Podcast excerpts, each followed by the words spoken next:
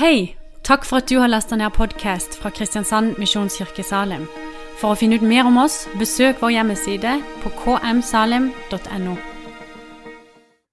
til å si litt om eh, kvinnekonferansen som kommer nå, 20.-22. oktober. Og Misjonskirken Norge er jo med som eh, medinnbyder i år. Sammen med 23 andre menigheter og organisasjoner. Det er veldig gøy. Vi har forflytta oss dette året her til Oslofjord Convention et av Norges største eh, konferansesenter. Det er jo helt gedigent. Alt på ei flate, holdt jeg på å si. Ikke alt på ei flate, men alt på en plass. det var godt ikke det var alt på ei flate, for der blir det ei stor flate. Nei da, men det er jo nydelig natur. Det er eh, konferansested. Vi kan bare gå rett og legge oss holdt på seg i nærheten. Vi kan spise, bestille mat. Så vi tror det blir en gedigen jentefest, altså. Damefest. Mange unge som har meldt seg på, og mange voksne. Så vi er en 1200-1300 og håper på ja, en plass mellom 1500 og 2000 i hvert fall. Så det blir veldig veldig bra. Så jeg har lyst til å invitere dere med. Det går buss fra Kristiansand. Så det går også å gå inn på Sjekken og så søke på Kvinner i nettverk. Og Da får du opp to alternative buss, og så får du konferansen. Det har vært himla gøy å se noen fra Salem. Jeg vet allerede at det er noen, da. Men enda flere har ikke gjort noen ting. Det blir veldig bra. Det blir kjempespekter. Vi har liksom Jesus Kvinnemann Kristiansen, Irene Krokeide fra IMF, og Hanne Sørmo fra Evangeliesenteret, og så er det eh, Anne Helen Sperrud fra UiO. Og så holder vi på. Vi er en kjempegjeng som skal være med og undervise. Mye god sang. Fantastiske seminarer. 15 seminarer skal vi ha. Vi skal ha basar til inntekt for Troens bevis, eh, misjonsprosjekt og Åpne dører. Så det blir masse krydder. Så la det være anbefalt. Jeg tror det ligger brosjyrer ute i foajeen deres, eller i, i ganger, så hvis dere vil lese litt mer. Det er fint. Det er jo fint, vet du. Mannsarbeid, kvinnearbeid. Sammen er vi krutt. Det er veldig bra. vet du. Gud skapte mann og kvinne i sitt bilde, og vi må bare heie på hverandre og bli alt det som han hadde tenkt vi skulle bli. Det er veldig fint. Ja, skal jeg tale? Passe tida her. Ehm, tema første bud. Det kan høres litt kjedelig ut, men jeg håper ikke det skal bli det. Men det er jo veldig viktig. Og overskriften for dette her er 'et annerledes folk'. Og det er jo nettopp det vi er. Vi er et annerledes folk. Vi lever vårt liv ut fra et annet rike. Vi lever ut fra andre myndigheter enn oss sjøl og det som er den sekulære, verdens verdisystemet. Vi har denne fantastiske boka her, Bibelen, som vi tror er ei ekstremt god kjørebok. Og den har masse oppmuntringer, den har masse livs, all vis- livsvisdom vi trenger. Og så har han noen kjøreregler, noen bud. Noen påbud, noen oppfordringer, noen eh, ting han legger på oss som sitt folk.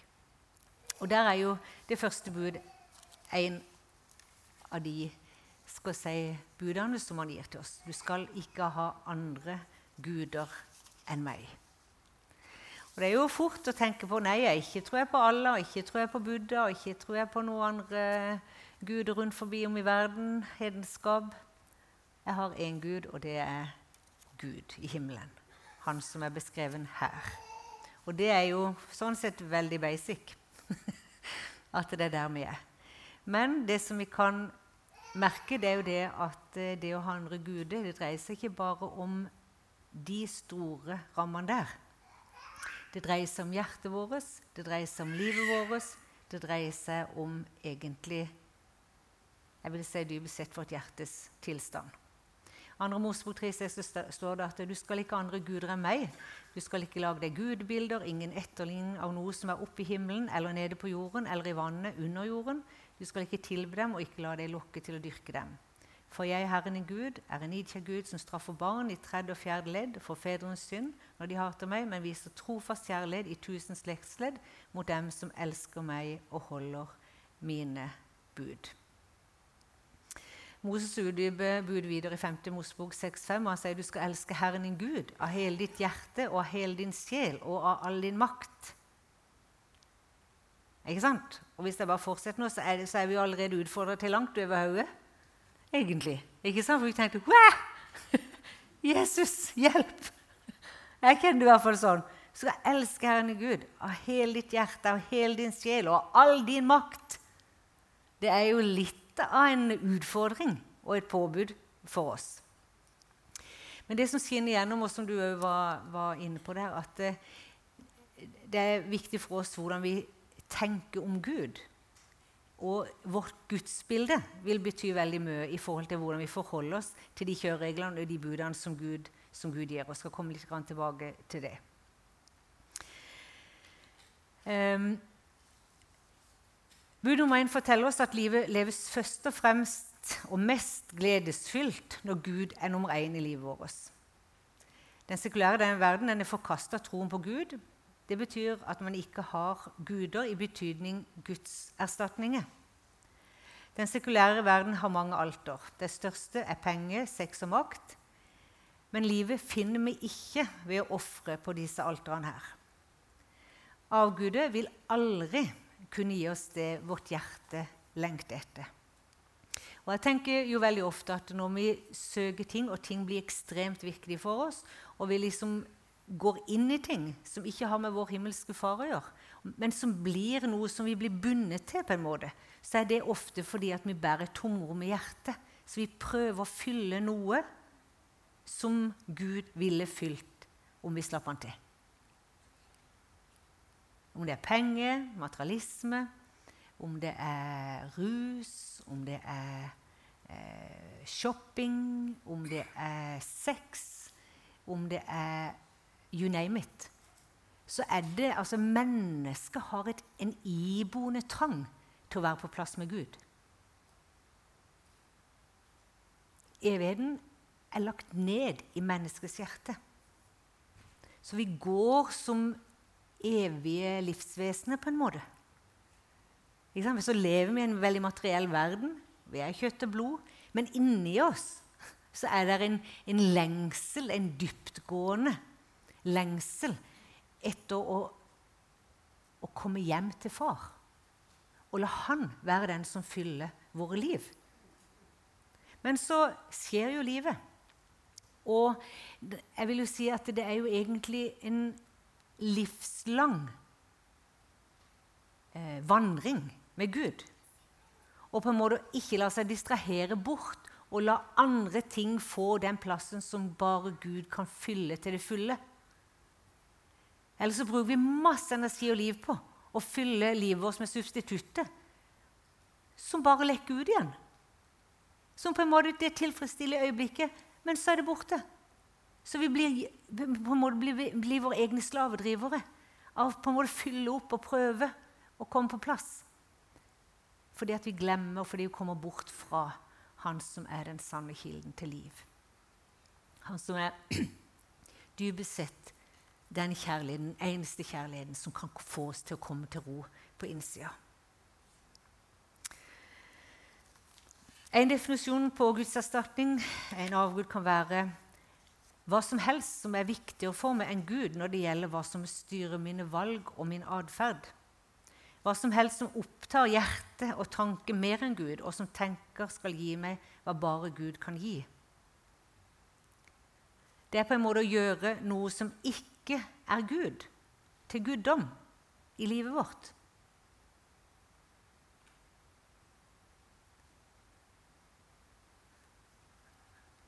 Det er det å la andre ting få herredømme istedenfor Gud. Luther definerte en slik det som ditt hjerte henger ved og setter sin lit til, det er altså din Gud. Så hvis Jesus er det vårt hjerte henger ved og setter sin lit til, da er han vår Gud. Hvis det er noe annet, da er det vår Gud. En avgud, en avgud, er det du ser på og sier 'hvis jeg ikke har det, da har jeg ikke et liv'. Hvis jeg ikke har det, så kan ikke jeg være lykkelig. Og så er det jo et spenn i dette, for egentlig er det mange av de helt vanlige tingene og de tingene som på en måte også er en stor velsignelse, som Gud har gitt oss i rikt monn på, på, på så mange områder i livet, som også kan bli en avgud når det blir satt som nummer én. Som sagt, Det er ikke fordi at vi går liksom inn i et buddhistisk tempel og, og tilber noen av de 30 gudene der, eller et hinduistisk, hinduistisk tempel og, og, og, ber til de gudene. Det er også absolutt feil. Men disse her tingene som, som egentlig vi omgir oss med hele tida jobb, karriere, utdannelse, familie, prestasjoner, popularitet Jage etter andre menneskers anerkjennelse, penger, eiendeler, økonomisk trygghet, makt og innflytelse komfort, et behagelig liv, status, posisjoner Det er så mange ting som på en måte kan ta plassen til Jesus i hjertet vårt. Og når det bare liksom fyller rommet, ja, så er det også det vi lever ut ifra, istedenfor at vi lever ut ifra at eh, Jesus er Herre. Og han er den som sitter på min, mitt hjertes trone. Ikke sant? Hvem sitter på vår hjertes trone? Hvem er Herre? Hvem er det vi lytter etter? Hvem er det som gir meg min identitet? Hvem er det som fyller den innerste lengselen i mitt indre? Hva er det som fyller den innerste lengselen i mitt hjerte? Hvilke regler, hvilke retningssnor er det jeg følger? Du Vet, egentlig så er det det å leve ut ifra den gamle naturen det er avguderi. For vi kan være vår egen avgud fordi vi bare lever ut fra vår egen egoisme, fra våre egne synsing og meninger. Jeg tenker Den tida som vi lever i, som, som menighet Hvem er det vi setter som, som, som Gud over våre tanker, vår etikk, vår moral? Hvem er, hvem er, det som får lov til å definere sannheten? Hvem er det vi setter på tronen i våre tanker? Og hvem er det som skal være med å putte sannhet inn i oss? Er det sekulære verden? Er det, er det, det at vi blir så kjepphøye at vi liksom tenker at vi kan sette oss over Gud og tenke at vi er mer intelligente, vi er mer fornuftige, vi forstår kjærlighet bedre enn han, vi forstår skapelsen bedre enn han, vi, forstår, vi forstår biologien bedre enn han? Skjønner dere? Det er jo helt utrolig og stolte og høye på pæra vi kan bli når det gjelder Guds ord. Og vi velger én etter én. Menighet etter menighet, forsamling etter forsamling, organisasjon etter organisasjon. Sette seg over Han som er ordets herre. Han som er Gud. Og så tenker vi at vi med vår lille hjerne skal overgå Han i hva som er godt og vondt, hva som er rett og galt. Vi gjør oss selv til gude.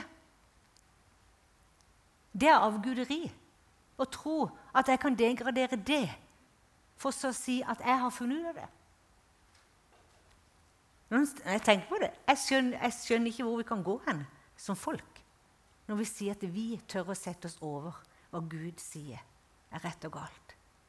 Når han sier vi skal ikke ha andre Gud enn han, så mener han det.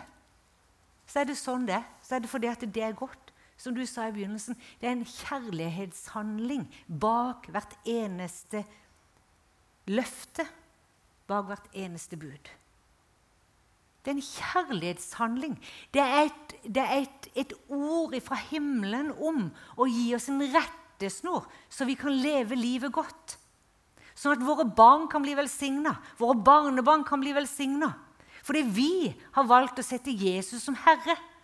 Og vi har valgt at han skal være Gud i vårt liv. Han lover det der i andre Mosebok. At det, vår etterslekt i tusen ledd skal bli velsigna når vi er gudfryktige og lever vårt liv etter det som han sier sitt ord. Og igjen så betyr det jo veldig mye da hvilket gudsbilde er det vi bærer? Og det er tøft å lese budene. Det er tøft å lese at jeg skal elske Herre min Gud av hele mitt hjerte, all min side, all min makt, med alt det jeg er. Og jeg kommer til kort så fort jeg sier det. Ikke sant? Vi er på en måte hjelpeløse i en sånn utfordring. Men hvem er Gud? Jo, det er han som sendte Jesus. Det er han som bøyde seg ned til oss skrøpelige, fattige, mislykka mennesker, holdt jeg på å si, som var fortapte. Vi var så fortapte. Vi hadde ingen sjanse innenfor Gud. Det var ingen nåde holdt jeg på å si, i oss selv. Det var ingen mulighet til å gå over dette gapet mellom menneskeheten og, og Gud etter syndefallet. Det var en stor avgrunn. Ingen av oss kunne bygge en bro. Men Gud bøyde seg ned. Han sendte Jesus. Han la korset som denne broa fra oss inn til Faderens hjerte. Han valgte å si at 'jeg vil bo i det sønderknuste'. Jeg vil flytte inn hos den som ikke får det til. Jeg vil flytte inn i syndige mennesker. Jeg vil flytte inn i de som ikke får det til. Jeg vil flytte inn hos de som ikke klarer det sjøl. Vi har ikke en øverste prest som ikke har medlidenhet med oss i vår svakhet. Ikke bare døde han, ikke bare bar han alt det vi bærer oppå det korstreet. Ikke bare sto han opp igjen etter å være prøvd i alt, overvunnet alt. Han har vært inne i hver eneste krinkel og krok i våre liv. Det er ingenting han er redd for, det er ingenting han er mørk, mørkredd for. Det er ingenting han blir forskrekka over. Han har vært der, han har smakt på det, han har sett på det, han har kjent på det. ikke sant? Han har vært i våre liv allerede. Så står han opp og så sier han den samme kraften som reiste Jesus opp fra de døde, skal også gi våre dødelige legemer liv. Det er fint. Fantastisk. Og ikke bare det. Så sier han jeg skal ikke etterlate dere farløse. Jeg skal ikke etterlate sånn at dere blir alene. Jeg kommer til dere. Jeg kommer til dere. Fint. Han tar initiativ hele tida. Jeg kommer til dere talsmannen, Den hellige ånd, ånd fra Gud, liv fra himmelen, kraft fra Gud, skal komme til dere. Ikke sant? Jeg kommer til dere. Ikke vær redde. Kan jo bli redde. Hvordan skal det gå? Hvordan skal jeg klare å leve etter første bud? Hvordan skal jeg klare å elske Gud av alt det er? Hvordan skal jeg følge de andre budene? Hvordan skal jeg leve livet med Kristus? Jo, det er nettopp det vi skal. Vi skal leve det med Kristus, i Han og i den kraften som han så sjenerøst har lagt inn i oss vanlige, dødelige mennesker. Selvfølgelig vil lar oss forundre. Og jeg beundrer han for at han valgte mennesket som det stedet han vil bo. Tenk at han ville bo i oss. At han ville flytte inn hos meg. At han ville flytte inn hos deg. Når han vet alt, visste om alt, skjønner alt. Men han som flytta inn, han har medlidenhet med oss i vår svakhet. Og Derfor så kan han komme oss til hjelp. Derfor så har vi på en måte en helt annen kilde enn oss sjøl. Så Jesus opphevde ikke budene. Jesus ignorerte ikke budene. Han sa ikke at 'nå skal ikke dere leve et hellig liv' lenger. Han, ikke, han, sa ikke at nå kan dere leve akkurat som dere vil, og gjøre som dere vil. etter død og stå opp igjen. Nei. Men han forandra kilden til hvordan vi skulle leve livet. Og det er jo det som gjør oss til et annerledes folk òg. At vi har en kilde som er større enn oss selv. Som gjør at vi kan leve et liv etter Guds hensikt og etter hans vilje. Kolasserbrev 3.1 så står det Jeg skal bare ta litt vann.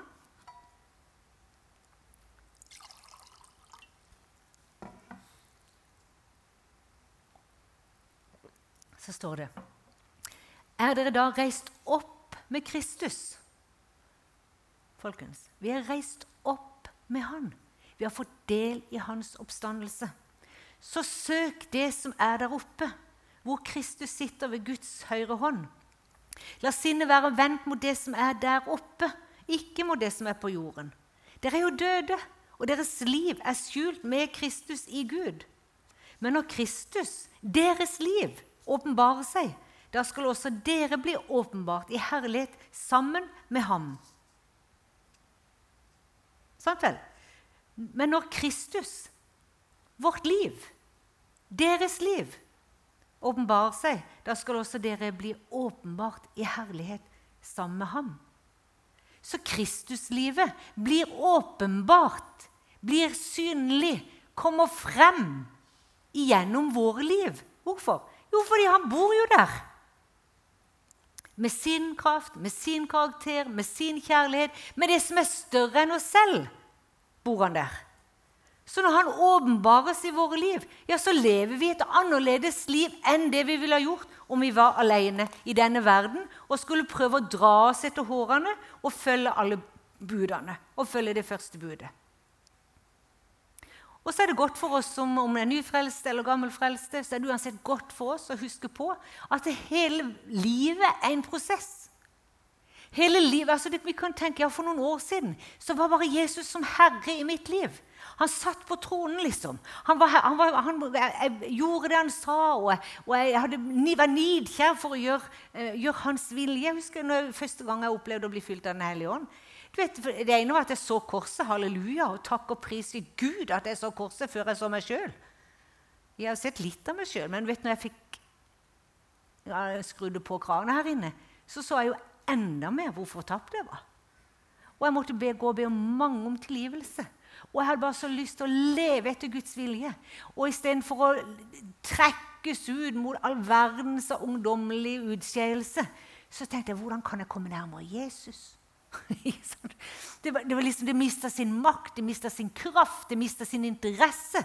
Dette som hadde vært synd som dro meg ut og bort fra Gud, og som gjorde at mange av vennene mine bare lå flate og mista livet med Gud.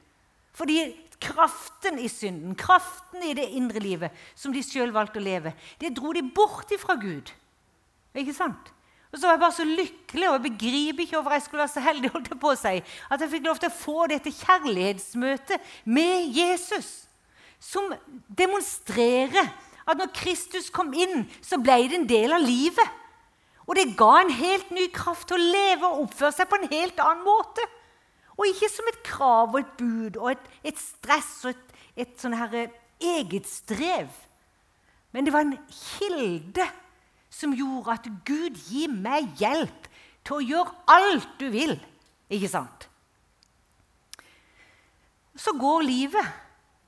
Ja, så, så, så, så skjer det ting Nei, så er det ikke så ivrig på kanskje det. Så er det ikke så lett å be om tilgivelse. Jeg kan også gang mange år tilbake, selv om jeg var bare 17 år. Jeg gjorde opp rubbel og bitt. Epleslang. Alt. Småting. Krangling med lærere. Det var ikke måte på. Jeg skal tenke de tenkte. Og vet ikke helt om det var nødvendig, men jeg måtte bare få det ut. Alt jeg hadde skyld for. Og så kan den gå, og så blir det litt sløvt, og så blir det ikke så viktig. Derfor er det en livslang prosess å bevare hjertet sitt hos Jesus. Bevare hjertet fremfor alt du bevarer. Hvorfor det? Jo, for livet går jo ut ifra det. Den første kjærligheten, den kjærlighetsmøtet med Jesus, som han inviterer oss til hver eneste dag.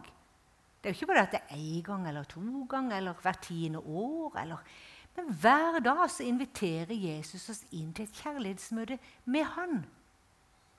Og det er jo det som kan hjelpe oss til å holde oss i sentrum av livet.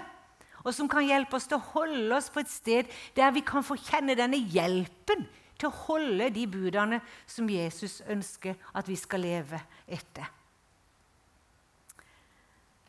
Han er jo ikke noe hvem som helst. Han er den som verden ble til ved. Han er Guds sønn.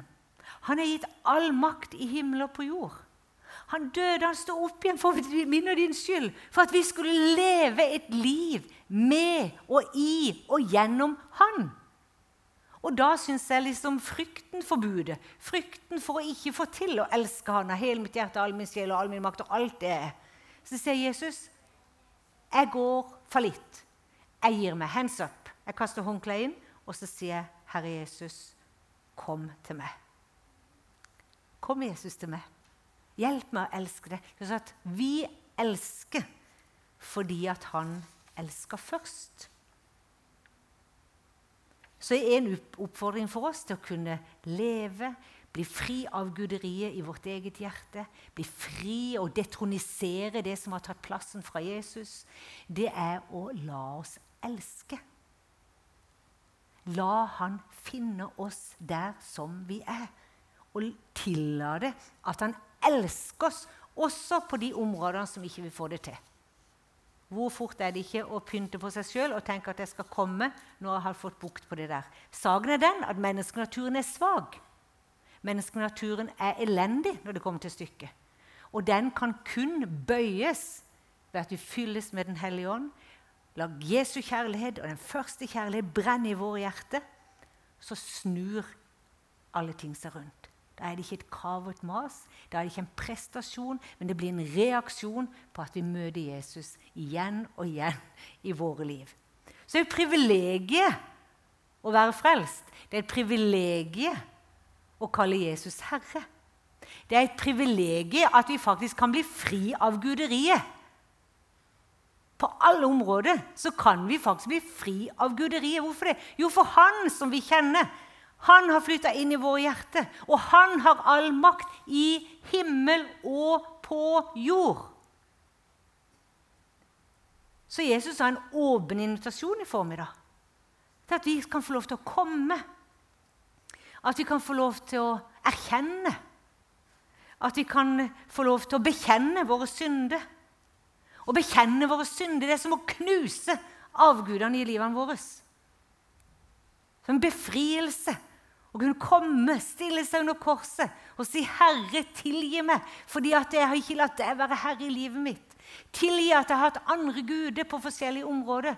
Tilgi Jesus at jeg har prioritert andre ting foran deg så lenge. Men Jesus, nå har jeg lyst til at du må gjøre noe med den første kjærligheten i mitt liv. Sånn at jeg kan istedenfor prestere og gå med dårlig samvittighet og fordømmelse og anklage, at jeg kan få lov til å komme til den posisjonen at jeg bare lengter etter å leve et liv som er etter din vilje. Det er to verdener. For meg er det to verdener, og jeg har godt prøvd i begge deler. For å si det sånn. Jeg vet hva det vil si å leve livet hvor du kjenner Helligånden er til stede. Jesus' ord er virkelig.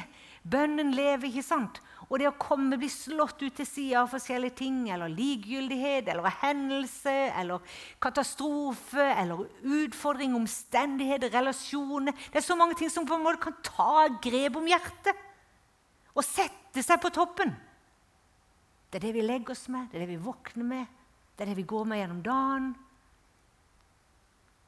Og så har det bare tatt plassen til han som ønsker å være Gud til han som å være herre. Han som er herre. Hvorfor skal Jesus være herre? Jo, fordi han er det. det er jo derfor. Han er jo allherrs Gud. De som ser Gud. Engler. De som har gått foran. Hva sier de? Natt og dag bøyer seg inn for hans ansikt, synger hellig, hellig, hellig er Herren Sebaot. Han er hellig, han er herre, han er Gud, han er konge. Og så inviterer han oss med inn i det privilegiet at vi får lov til å leve med Jesus som herre i våre liv. Vi er skapt til, vi er konstruert for, et liv med Jesus som herre. Med han som Gud. Hvordan funker et menneske best? Jo, med Jesus som herre. Hvordan fungerer en familie best? Jo, å leve etter Guds ord. Å ha Han som herre. Og ikke ha andre guder på noen som helst vis. Hvordan skal vi sikre etterslekta? Jo, vi lever og vi ærer Gud og har gudsfrykt for den han er. Fordi han inviterer oss inn til det. Og det hadde jeg så lyst til at du skulle sitte igjen litt av denne formen. Her. Det er jo et privilegium. Det er liksom ikke bare en svær, tung byrde som legges på oss men en invitasjon hvor himmelens Gud sier 'Jeg vil være din Gud'. Jeg vil være din venn. Jeg vil være din hjelper. Jeg ser det, jeg har medlidenhet med deg, du er svak, det regnes som støv. ikke sant? Men jeg vil være din Gud. Vil du komme inn i min favn? Vil du våge i formiddag bare gi meg alt igjen?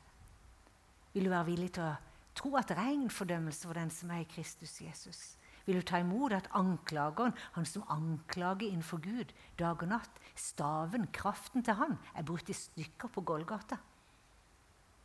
Så det? Anklagerens stav er brutt i stykker. Men vi kan gå og kjenne på at det spennende anklager over skuldrene våre. Vi kan kjenne på fordømmelse, og vi, vi kanskje tusle inn på møtet. Men i hjertet vårt så er vi triste. I hjertet vårt har vi mista den første kjærligheten fordi en eller annen avgud har kommet inn og tatt plassen til han som ønsker å detronisere avgudene i våre liv.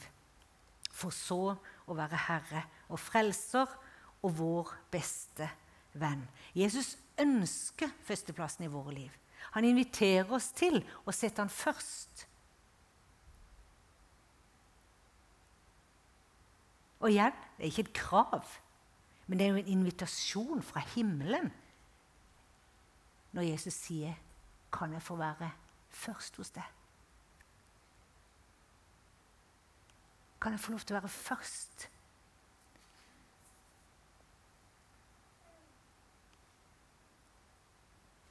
Kan jeg være den du søker først når du trenger hjelp?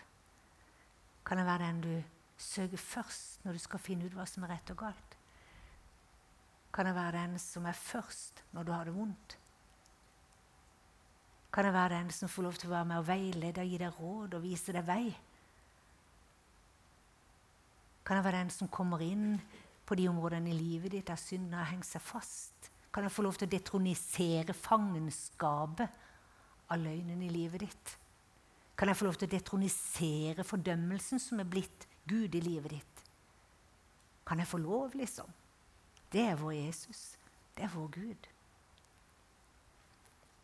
Så han står ikke bare med masse bud og regler for så å la oss være alene. Nei, han sier han har bud, han har kjøreregler, han har påbud, han har formaninger. Han har eh, et liv som han skisserer at vi skal få lov til å leve, at vi er et annerledes folk, vi er under en annen myndighet. Vi er under en annen innflytelse. Vi lever ikke bare ut fra egen kapasitet. Vi lever ut fra at Han er selve livets kilde inni oss. Så inviterer Han oss til å komme nær til det. Vi må liksom ta imot det. Vi må slutte å streve.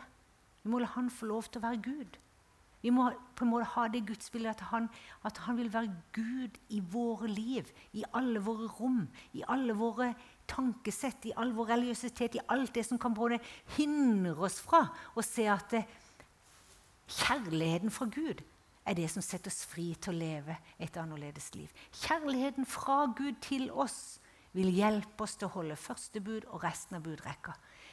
Han vil hjelpe oss og vise oss og jeg tror jo det, når vi har dette i bunnen, ja, så kan vi oppleve å være velsigna på alle områder. Uten at det er noe feil.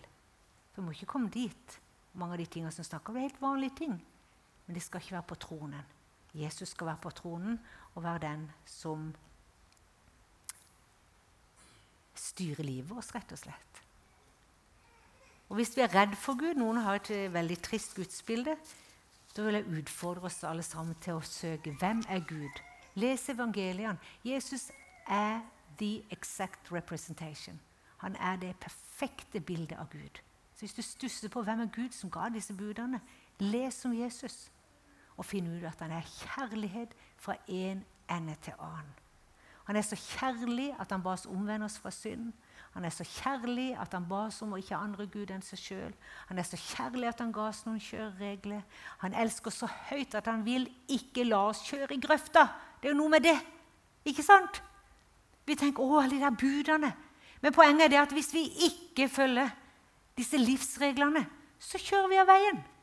Hvis vi lever i synd og har andre guder og lever bare ut fra kjøtt- og flesksentralen her på innsida og ikke ense og leve etter Guds vilje, ja vel, så går det feil.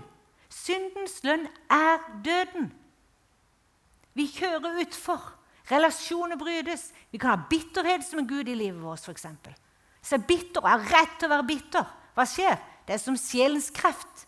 Vi spises opp. Jesus sier, 'Detroniser, gi det fra deg, det som styrer, regjerer, herjer livet ditt', som spiser deg opp. Og la meg få lov til å være herre La meg få lov til å være din Gud. La meg få lov til å være din far. La meg få lov til å være din venn. La meg få lov til å øse over deg min kjærlighet, sånn at du kan leve livet sånn som jeg vil at du skulle leve det. Det er i Han vi lever, rører oss og er til. Det er i Han vi lever, rører seg til. Så er vi underveis, men så får vi lov til å gå i fred. Ta en hjertesjekk innimellom. Komme på plass. Gå videre. Livet skjer. Ny hjertesjekk. Si 'Jesus, du er min Herre'. Du er min Gud. Du er Han jeg vil følge. Og så leve et annerledes liv. Midt i all vår skrøpelighet, midt i vår svakhet, så får vi lov til å leve et annerledes liv med Den hellige ånds kraft og liv på innsida. Far i himmelen, takk for din godhet. Takk for din skjønnhet i moders Jesus. Takk for eh, frelsen i deg, Herre. Takk at vi får lov til å komme med tomme kar, halvfulle kar. Takk at vi kan komme med i stykkerslåtte kar, Jesus. Takk at vi kan komme sånn som vi er, og tenke at du er den som elsker oss aller mest. Du er den som ber oss om å komme med våre liv. Du er den som ber oss om å gi deg lov til å detronisere det som er avguderi, det som har tatt plassen, det som har tatt bort den første kjærligheten. Jesus, jeg ber om at du detroniserer all form for likegyldighet, all form for eh, stolthet, all form for eh, nidkjærhet og lidenskap som drar oss bort fra deg, Jesus. All synd som drar oss og holder oss på avstand fra deg, Jesus. Jeg ber om at du må bare komme med Helligåndens ild og kraft. Rør ved oss, Jesus. Rør ved oss rett kraftig, Herre, denne dagen her. Nydelig dag, Jesus. Jeg ber om at du skal hvile over oss med din ånd. Jeg ber om at du skal fri noen fra denne tunge byrden av ikke få det til, og bare få lov til å oppleve en nytt kjærlighetsmøte med deg i hjertet, Jesus. Takk at du seler av noen sine byrder her i formiddag. Du løser selen av og lar de gå ut av dette rommet med, med, med fri rygg, Jesus. Priser deg for det. All fordømmelse, alt som sitter i sinnet hos noen Jesus, og anklage og føler seg ikke strekke til Jesus, dette presset i sinnet, Herre. Jeg ber om at du må løfte det av, Herre, i ditt dyrebare navn. Pris deg for det, Jesus. Du løfter av presset i tankene våre av fordømmelse og nedverdigelse og uverdighet, Jesus. Far, vi bare ber om at du detroniserer disse tankene, Herre. For du kom, Herre, med kjærlighet og liv fra deg, Herre. Noen har vært bundet på, på hendene Jesus, de har vært handlingslamma. De har ikke kunnet virke Jesus pga. at eh, de har kommet i fangenskap pga. noe som har skjedd i livet. Herre. Takk at du bryter disse lenkene i stykker. Herre. Takk at du løser båndene eh, hos den personen Jesus som måtte kjenne det sånn. Og, og, si, og vi sier bare eh, 'slipp fri'. Slipp han fri, Jesus. Vi bare takker deg for kraften i blodet, takker deg for kraften i din Hellige Ånd. Jeg bare priser ditt navn, Jesus. Og jeg bare ber om at du maler et bilde hos den enkelte av oss. At du er Herre. Du har all makt i himmelen og på jord. Ditt navn, Jesus, er sterkere enn alle guder vi måtte ha plassert i våre liv, Jesus. Så vi bare omvender oss, vi bare bekjenner Jesus og roper ut i Åndens verden at du er Herre i dette huset. Du er Herre i mitt liv, Jesus. Du er den jeg vil tjene. Du er den jeg vil søke for hjelp. Du er den jeg vil søke for å bli fylt av Den hellige ånd, så jeg kan leve et annerledes liv og være en del av et annerledes folk som viser å leve ut Kristuslivet midt i vår verden, midt i vår enkeltes hverdag, Jesus. Så vi bare sier takk, takk, takk for at du har gitt oss budene. Takk for at du har gitt oss muligheten også til å leve det og virke det. Bare nåde og i din kraft, Jesus. Amen.